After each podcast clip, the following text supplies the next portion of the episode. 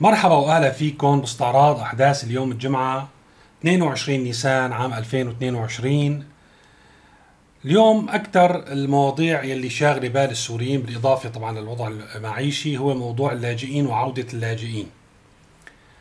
في تضييق عليهم بتركيا لا شك ورح نحكي عليه على هالموضوع بالتفصيل، أيضا في خطوات يتم اتخاذها من قبل بعض الدول الأوروبية أيضا تدعو آه، للقلق حول مستقبل اللاجئين في تلك الدول. هلا موضوع العودة لسوريا أنا بدي أفترض حالي ك يعني لاجئ أو كسوري خارج سوريا بدي أرجع لسوريا. السؤال بيطرح نفسه أنه أنا لوين بدي أرجع؟ مناطق النظام يوميا تقريبا عم نحكي عن الأوضاع البائسة اللي موجودة فيها. يلي بتوقع آه، يعني جزء من هذه الأوضاع أو جزء من هذا البؤس الذي يعيشه المواطن السوري وهذه الصورة السلبية والشفافية اللي عم يتعامل فيها الإعلام مع هذا الوضع والترحيب بالكلام حول الأوضاع ويعني عدم قدرة الإنسان السوري على العيش داخل سوريا هو موضوع ممنهج ومقصود لحتى يمنعوا عملية العودة حتى وإن توفر الطريق إلى ذلك، يعني هلا مثلا أنا اليوم إذا ما علي شيء وبدي أرجع على حلب. باليوم يلي أنا بدي قرر أرجع فيه على حلب بيطلع لي آه، آه، مدير الكهرباء مؤسسة الكهرباء بحلب بيحكي كلام بيخليني أتراجع عن الموضوع. بيقول لي إنه آه تقريبا ما في كهرباء للمناطق السكنية، ما عاد في بالإمكان إنه نغذي اليوم المناطق السكنية بحلب بالكهرباء. بالنسبة لكميه الطاقة الكهربائية الواردة إلى محافظة حلب حاليا تتراوح بين ال 190 إلى ال 200 ميجا. آه، في طبعا حاليا هو الحمل الأعظم إلى محافظة حلب حاليا تجاوز 800 ميجا. يعني الحمولة الفعلية إذا بدنا نحن نغذي محافظة حلب حاليا حمولتها مع الصناعي مع السكني مع الخدمات حوالي 800 ميجا.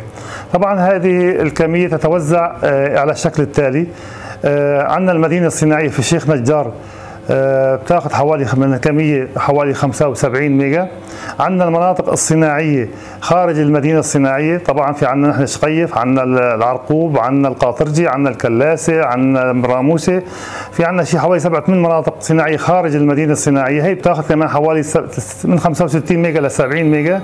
أيضا في عندنا نحن كمان ثوابت خدمات المشافي المياه المطاحن إلى آخره كمان بتاخذ لها شيء حوالي 50 ميجا. نحن حكينا بوقت سابق إنه بالنسبة لمناطق النظام التحدي الأكبر أو الأزمة الأخطر على السوريين هو موضوع الكهرباء. يعني آه، لا يمكن إنه الإنسان يعيش بلا كهرباء، في أزمات متعلقة آه، اولها هي أزمة النقل مثل ما شفنا اللي تفاقمت بالأيام الأخيرة، وبيتبع هذا كل شيء لأن كل شيء يتعلق بالنقل وتوفر المحروقات، آه، الناس بدها تروح على شغلها، البضائع بدها تنتقل من مدينة لمدينة، لن تكون الحياة ممكنة. في آه، يعني أي منطقة بدون كهرباء في هذا العصر. حتى التغطية أمس لاحظت وقت عم يحكوا مع يعني آه، كان على إذاعة دمشق في لقاء مع وزير الاتصالات اكتشفت أنه ضعف آه، التغطية للهواتف النقالة وضعف الإنترنت أيضا مرده للكهرباء وعم تنقطع الكهرباء عم تعتمد الأبراج على البطاريات وعم تنخفض الجودة تبعها. فإذا كل شيء يعتمد على الكهرباء والكهرباء لن تتوفر ليس فقط في حلب أيضا وقت كانوا السوريين اليوم عم يستنوا إنه تتحسن واقع الكهرباء بعد ما تحسن الطقس وحذفنا موضوع الاعتماد على الكهرباء في التدفئة. بيطلع تصريح من مدير مؤسسة نقل وتوزيع الكهرباء إنه والله صار في نقص بالغاز أيضا. وطبعا في نقص بالفيول هو ما بيحسن يحكي عليه لأن في جزء كبير من المشتقات النفطية يلي بيحصل عليها النظام من شمال شرق سوريا من عند قوات سوريا الديمقراطية تهريبا من خلال شركة القاطرجي المعروفة. طبعا هي تهريب ولكن بترتيب كل الأطراف. آه، اليوم في مشكلة لزوم آه، تنفيذ المشاريع لزوم إتمام المشاريع الموجودة للأطراف الدولية والإقليمية. فبيصير في توتر بيصير في قطع بالإمدادات بيصيروا بيحاربوا بعضهم بهذا الموضوع وبالتالي بتنطبش براس المواطن السوري وبيصير في نقص فوق النقص وأزمة فوق الأزمة. فإذا ما في مجال أنا إذا بدي أرجع يعني لمناطق النظام إنه أرجع حقيقة. هذا ما حكينا عن موضوع البيوت المدمرة عن كثير من الأمور. ولكن إذا بدي أرجع ما في شيء مشجع واصلا المعيشه داخل سوريا غير ممكنة. وهن إذا لاحظتوا هي الشفافيه في نقل المعاناة و يعني التقارير التلفزيونية اليومية التصريحات المسؤولين جود بالموجود هذا الشعار اللي رفعوه إنه أخي ما في غير هيك هو شيء ممنهج لحتى يظهروا إنه الحياة داخل سوريا غير ممكنة وحتى لو صار في طريقة للعودة ما حدا يفكر بالعودة لأن الحياة غير ممكنة، كيف الواحد بده يرجع على منطقة كانت بلده ولا مو بلده، الحياة فيها غير ممكنة. طيب هي مناطق النظام انسدت بوشي، إذا بدي أفكر أرجع على مناطق الشمال يلي تحت النفوذ التركي أو تحت آه، يعني نفوذ هيئة تحرير الشام. يعني أنا بتوقع صعب آه، علي وعلى كثير من السوريين يرجعوا يطلع بوشهم الجولاني أو يطلع أبو عمشة. سبحان الله أبو عمشة يا أخي في ناس عندنا بسوريا مثل الرئيس بشار الأسد كاريزما. يعني مهما آه، ارتكب من سوء مهما ألصقت فيه من تهم وجرائم مهما كانت ممارساته سيئة وتنعكس سلبا على الناس أو على السكان الموجودين في مناطق هو سيطرته بيضلوا الناس بيحبوه بيضلوا يعني يقولوا في القصائد أنه أبو عمشة متصدر آه، مجلس وقاعدين هالرجالات يعني المنطقة والأعيان وهو متصدر هذا المجلس قاعدين بمعيته خلينا نقول واحد واقف مثل اللوح ونازل في قصائد مديح. أبو عمشة يا اللي بزعت وفديت روحك تلبي نخوة اللي تنخاك. يا طير شلوة وحر ناس باخيت ربعك نشامة وحنا الموت وياك أبشر وعند وجهك. نار أبشر وعند وجهك. نار وديناميت. نصير للي ينوي بيوم. يعداك عز المحازم من الفزع ما ترخيت يا هدوة اللي حدها سيف يا النار. حياك بديان له زمان ما جيت حياك حياك يا حجي هلا والف حياك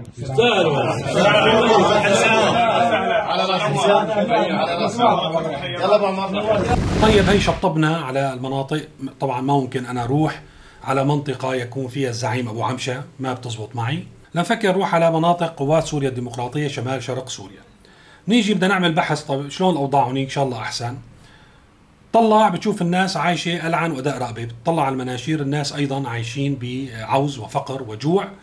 بالإضافة أنه صار البلد أو المنطقة هناك غريبة عليك. يعني آه، كانوا أخوتنا يعني أو القيادات طبعا آه، المنطقة هي ذات أغلبية عربية. ولكن القيادات عم يحاولوا آه، يعني يحطوا أو يلبسوها لبوس قومي كردي. يعني هذا اللي عم بيصير وبالتالي بتشوف إنه حتى أنا هلأ كعربي سوري بدي أروح لهونيك بدي كفيل. بدي حدا يفوتني لهونيك بدي حدا يكفلني يضمني مثل كأنه رايح على دول الخليج. بيئة ما بيئتي. حتى الأعياد تغيرت. اليوم شفت منشور بأنه عيد الشهداء بشمال شرق سوريا غير عيد الشهداء بمناطق النظام. فإذا آه، الحقيقة الروحة لهونيك مثل مثل أي يعني آه، رحلة لأي بلد خليجي على سبيل المثال. كأني رايح على الإمارات.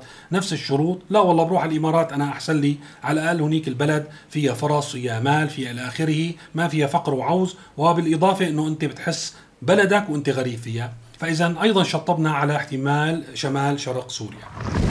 وين بدي أروح بعد ما التغى أيضا آه، احتمال شمال شرق سوريا؟ لنشوف آه، جنوب شرق سوريا. إذا بدك تقعد تدور وين بدي أروح وين بدك تسكن يعني ضال. بتشوف أنت من بو كمال لدير الزور. ما ضل في يعني سوريين ما ضل في الثقافة السورية ما ضل في شيء بيشبهنا هونيك. سيطرت إيران على الموضوع. إذا بتبحث كله أعلام صفر. كله مراكز ثقافية إيرانية كله مشاريع خيرية واجتماعية إيرانية. في عمل على تغيير الديموغرافيا هونيك وتغيير المعتقدات وتغيير البيئة بشكل أو بآخر.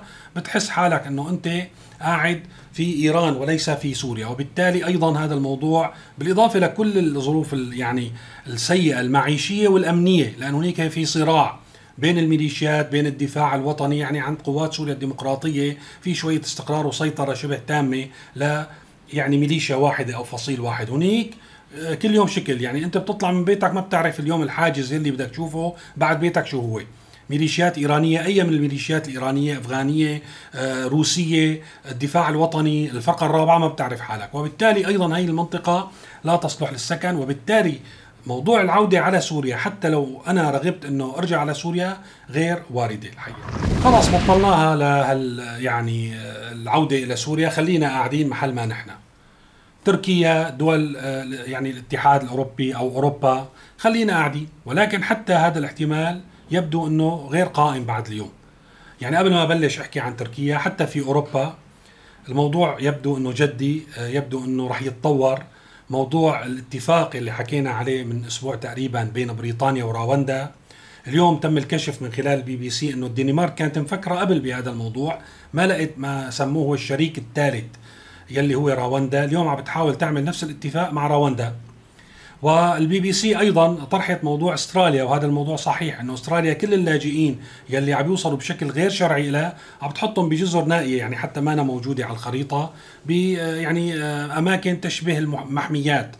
هناك في آه، حكومات محلية وسلطات محلية بيدفعوا لهم مصاري يعني بيخلوا هالناس عندهم. ولكن الحقيقة إنه الظروف اللي قاعدين فيها هاللاجئين صعبة للغاية وغير مشجعة على الإطلاق اللجوء إلى أستراليا على سبيل المثال. هلا وقت البي بي سي بتيجي بتقول إنه أخي آه، إنجلترا ما الدولة الوحيدة هي الدنمارك لاحقتنا وهي أستراليا سابقتنا من زمان هذا ما بيكون في إطار النقد يعني ولا هو أتى في إطار النقد في التحقيق ولكن بيجي بإطار التنميط إنه في هيك شيء وإنه ما عاد يت... يعني ما عاد نحن فينا نتحمل موجات اللجوء يلي عم تيجي على أوروبا صار في خطر علينا بدافعوا بأمنهم القومي مثل ما بتعمل أيضا تركيا وبالتالي ما عاد بيحسن حدا يوقف بوشهم يعني ما عاد حدا بيحسن بيمنعهم لا حقوق إنسان ولا مجتمع دولي ولا غيره. بتنحوا على القرار وعلى ما يبدو أنه هذا الموضوع راح يتطور وراح يصير مستقبل يعني بالنسبة للاجئين في أوروبا شبه مستحيل أنه يكونوا هناك مش سوريين على فكرة آه، يعني معظم اللاجئين من غير القارة الأوروبية، ليش عم بقول من غير القارة الأوروبية؟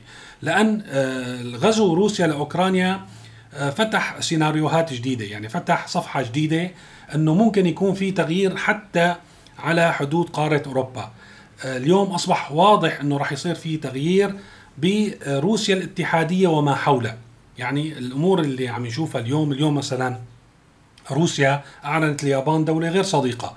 وأيضا طردت سفراء تبع دول البلطيق كلياتهم والأمور عم تتطور للأسوأ وعم تتطور لحتى تصير حرب طويلة الأمد أنا بتوقع الطرف الآخر اللي هو الطرف الأقوى الولايات المتحدة أوروبا مهما كان في ناس يعني مشجعين روسيا بيشوفوا روسيا قويه وبوتين يعني هو بطل الابطال ما راح يحسن يصمد أمام كل هذه القوى. راح يصير في تغيير بروسيا الاتحادية ما بنعرف. ومن تداعيات التغيرات في روسيا الاتحادية راح يصير في تغيرات في محيط روسيا الاتحادية. وبالتالي ممكن أوروبا آه، يعني تشهد موجات لجوء مشابهة لما حدث في أوكرانيا. وعلى مبدأ الأقربون أولى بالمعروف راح يفضلوا يستقبلوا هدول اللاجئين على لاجئين من مناطق أخرى. هلأ في ناس بيقولوا لي تمييز ما تمييز ممكن يكون تمييز. مثل ما قلنا هن بيقولوا الأقربون أولى بالمعروف. طيب نحن وين الأقربون تبعنا؟ هذا موضوع الحقيقة طويل وممكن نحكي فيه ما هو هذا اللي صار خلال 100 سنة الماضية. هن طبعا طرحوا يعني الدول العظمى والقوى العظمى والدول إنه موضوع المساواة وإنه كل البشر مثل بعضهم وإنه يعني ما ضل في نحن وإنتو.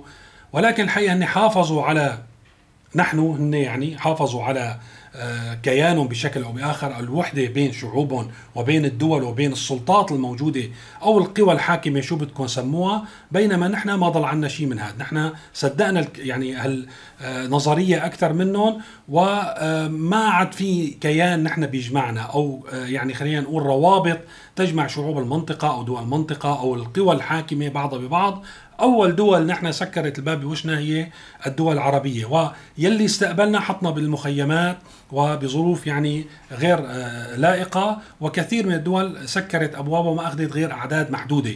ما رحبوا فينا مثل ما عم يرحبوا اليوم الدول الأوروبية بالأوكرانيين وراح يرحبوا بلاجئين آخرين بكرة بتشوفوا عبر السنين من مناطق أخرى. فإذا صار في نحن وهم نحن بالنسبة لنا آه، صار كل شيء مسكر الموجودين في أوروبا يا دوبهم هن يلحقوا حالهم يحاولوا يضبطوا وضعهم. ما راح يصير في استقبال موجات آه، لجوء إضافية بتوقع هذا الموضوع مع الزمن راح ينتهي. نيجي هلأ بنوصل على تركيا. هلأ الحقيقة بالنسبة لتركيا الموضوع معقد، نحن من البداية قلنا من وقت مبكر جدا يعني أنا من وقت ما بلشت بالقناة من أكثر من سنة ونص كان من التسجيلات المبكره إنه حاولت أشرح المشروع التركي وإنه تركيا طبعا أنا ما فيني ازم إنه هي وراء التغيير في سوريا ولكن لما شافت الأمور بدها يعني أو يعني ماشي باتجاه معين وهي دولة يعني لها علاقاتها وإلى ارتباطاتها ومصالحها مع الدول الفاعلة آه، في سوريا بدها تستفيد من هذا الواقع بدها تستفيد من التغيير الديموغرافي الموجود وبالتالي هي آه، من مصلحتها إنه يصير في خلينا نقول توطين أو إعادة نقل لمكون من مكونات الشعب السوري إلى شمال سوريا لحتى يكون هو يعني خلينا نقول منطقة عازلة ليس عسكرية وأمنية فقط وإنما عازلة بين الأكراد في سوريا والعراق وأكراد الموجودين في تركيا. يعني هذا هو المشروع التركي اللي ما راح يتنازلوا عنه. طيب هون السؤال إنه طيب إمتى بده ينقلوا السوريين لهذه المناطق؟ أول شيء هالمناطق لازم يعني آه، يتم إنجازها؟ إنه بهالشكل إنه عندنا منطقتين وبعدين فراغ وبعدين منطقة وبعدين ما في شيء. هل شريط العازل يلي أكثر من مرة عرضت آه، صورته بإيد أردوغان يلي هو مشروع يعني رئيس الدولة والدولة التركية بشكل عام لازم يتم أردوغان آه، امبارح صرح إنه نحن ما راح آه، نطرد اللاجئين السوريين ولكن بدنا نرجعهم على مدن تبنى في هذه المنطقة، فإذا هذا الموضوع أصبح واضح. هلا بنقول نحن ليش طيب آه، اليوم الضغط ولسه المنطقة ما صارت فإذا المشروع التركي مرة ثانية إقامة المنطقة العازلة إقامة مدن فيها إنشاء مدن فيها بالتعاون مع الاتحاد الأوروبي وربما تمويل من الاتحاد الأوروبي ونقل اللاجئين السوريين أو معظمهم الموجودين في تركيا إلى تلك المناطق. هلا السؤال يلي أنا معنون فيه الحلقة إنه هل هذا الموضوع رح يتم قبل التغيير السياسي بسوريا ولا بعد التغيير السياسي بسوريا؟ الحقيقة إنه هو لا يمكن أن يتم بعد التغيير يعني لازم هو يتم بعدين التغيير يتم لأن اليوم إذا اليوم صار في تغيير سياسي وراح نظام الأسد وصار في أي هيئة حكم انتقالية وانتقالية أي حل ما بيضل في مبرر لتركيا أنه تعمل منطقة العازلة. واساسا ممكن كثير بهالحالة وأنا متأكد من الموضوع كثير من السوريين يرجعوا للمناطق اللي أجوا منها لأن معظم السوريين اليوم صحيح في آه، ناس آه، منازل آه، تدمرت ناس إلى آخره ولكن أنا بحسن إذن الغالبية العظمى ما بترجع لظروف أمنية. لأنهم ما بده يخدموا عسكرية لأنهم هن ما بده يكونوا على تواصل مع النظام. أول الناس اللي راح ترجع الناس الموجودين بإدلب راح يرجعوا يعملوا هجرة معاكسة إلى الجنوب يكون خرب كل المخططات يلي تعبوا عليها الشباب والقوى الدولية والإقليمية خلال عشر سنوات الماضية. فإذا لا يمكن بحال من الأحوال أنه يصير في تغيير سياسي قبل ما تتم المشاريع ويخلص التغيير الديموغرافي ويوطنوا يلي بدهم يوطنوه بمنطقة الفلانية والمنطقة العلانية ومنها المناطق الشمالية يلي هي تحت النفوذ التركي. لذلك نحن بنقول إنه أول شيء راح يكون آه، موضوع التوطين موضوع إنشاء المنطقة العازلة آه، إنشاء المدن ومن ثم خلينا نقول دفع السوريين للسكن بهالمدن وبعدين ممكن يصير التغيير السياسي بعد ما يكون الأمور خلصت على هذا المنوال. طيب ليش لكن عم يصير هالضغط؟ طيب المنطقة لسه مو جاهزة. شو بدهم من السوريين؟ ليش عم يزعجون بتركيا؟ الحقيقة هذا نوع من يعني الورقة اللي بدها تستخدمها تركيا في مواجهة أوروبا. لحتى يسرعوا بموضوع بيكون موضوع إنشاء المنطقة العازلة مزرقن شوي على الآن بنقطة من النقاط مع الولايات المتحدة الأمريكية مع إلى آخره. فتركيا بدها دعم إضافي إنه يا أخي هالسوريين لاحظوا إنه هالسوريين الموجودين بتركيا ما عاد في لهم مستقبل. يعني آه، هن صاروا بصدام مع المجتمع التركي ما عاد فينا نحميهم ما عاد آه، وجودهم ممكن. في عنصرية شو بدهم يسموها؟ هن مو فارقة معهم طبعا. بالنهاية إنه وجود السوريين بهالطريقة بتركيا ما عاد ممكن.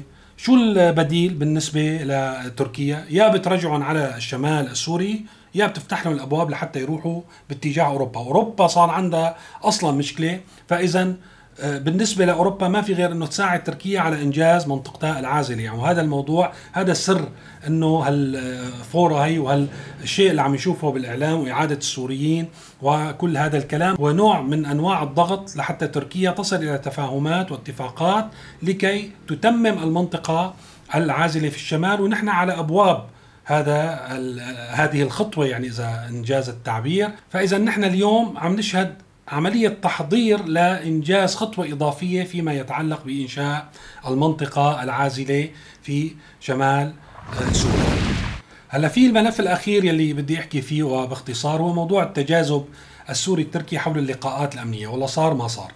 هلا أنا بتوقع هذا الموضوع نحن صرنا لازم نعرف أنه النظام السوري هو كان جزء من المخطط. يعني من أول آه، ما طلعت الاحتجاجات من أول آه، مظاهرات في سوريا النظام بيعرف حاله أنه انتهى. وحاول يشتري الوقت لحتى يكون هو جزء من المخططات لأن هذا بيضمن له يضل فترة بالسلطة مثل ما شفنا امتدت ل 10 أو 11 أو 12 سنة ممكن تمتد ثلاث أربع سنين ثانيات فإذا هو كان جزء من المخطط كان مشرف على تنفيذ أجزاء واسعة من المخطط وضمان الناس اللي بيسيطر عليهم ليمشوا بذات الاتجاه. ومن هذه الأمور هي تصعيب المعيشة في مناطق النظام ودفع أكبر عدد ممكن إلى الهجرة وعدم يعني وجعل التفكير آه، في العودة إلى سوريا مستحيل. يعني هذا كان جزء من المهمة يلي مرتبطة آه، فيه. فهو منسق مع كل الأطراف ومنهم تركيا. تركيا وقت تسرب هيك من الأخبار يعني هي عم تضغط على النظام عم بتقول له بيكون هلا في إعادة حسابات أو في إعادة تموضع خاصة فيما يتعلق بروسيا. النظام ما رح يشتغل أبدا لمصلحة سوريا ولكن اليوم لأن صار في روسيا وصار في روسيا في مواجهة باقي دول العالم منهم تركيا فممكن النظام عم بيحاول أنه يتشبث مواقف لخدمة روسيا. تركيا بتحاول تضغط على النظام أكثر بكشفه وكشف بأنه هو كان جزء من المخطط بأنه نحن آه، راح نكشف لكل العالم إنه أنت كنت جزء انه أنت كنت تتنسق معنا امنيا ولليوم بتنسق معنا امنيا وهذا الحقيقة شيء منطقي وأنا برأيي معروف ومفهوم وبالتالي آه، فينا نفهم إنه أيضا هذا نوع من الضغط التركي مثل ما عم يضغطوا على أوروبا مثل ما عم يضغطوا على كل الأطراف ويحاولوا آه، يحصلوا على أوراق طبعا موضوع تسوية اوضاعهم أو إعادة علاقات مع الإمارات والسعودية ومصر في هذا السياق نفسه لحتى ما يصير في معارضة لمشروع في الشمال. أيضا موضوع التجاذب مع النظام والتهديد بكشف الاجتماعات الأمنية بين الطرفين يعني هي في نفس الخانة. هذا كل شيء بدي لكم إياه اليوم. آسف لأني طولت شوي ولكن كان ضروري نحكي عن الموضوع ونربط كل الأمور ببعضها لحتى نعطي رؤية واسعة وواحدة لموضوع السوريين للاجئين والعودة إلى سوريا. شكرا لمتابعتكم وإلى اللقاء.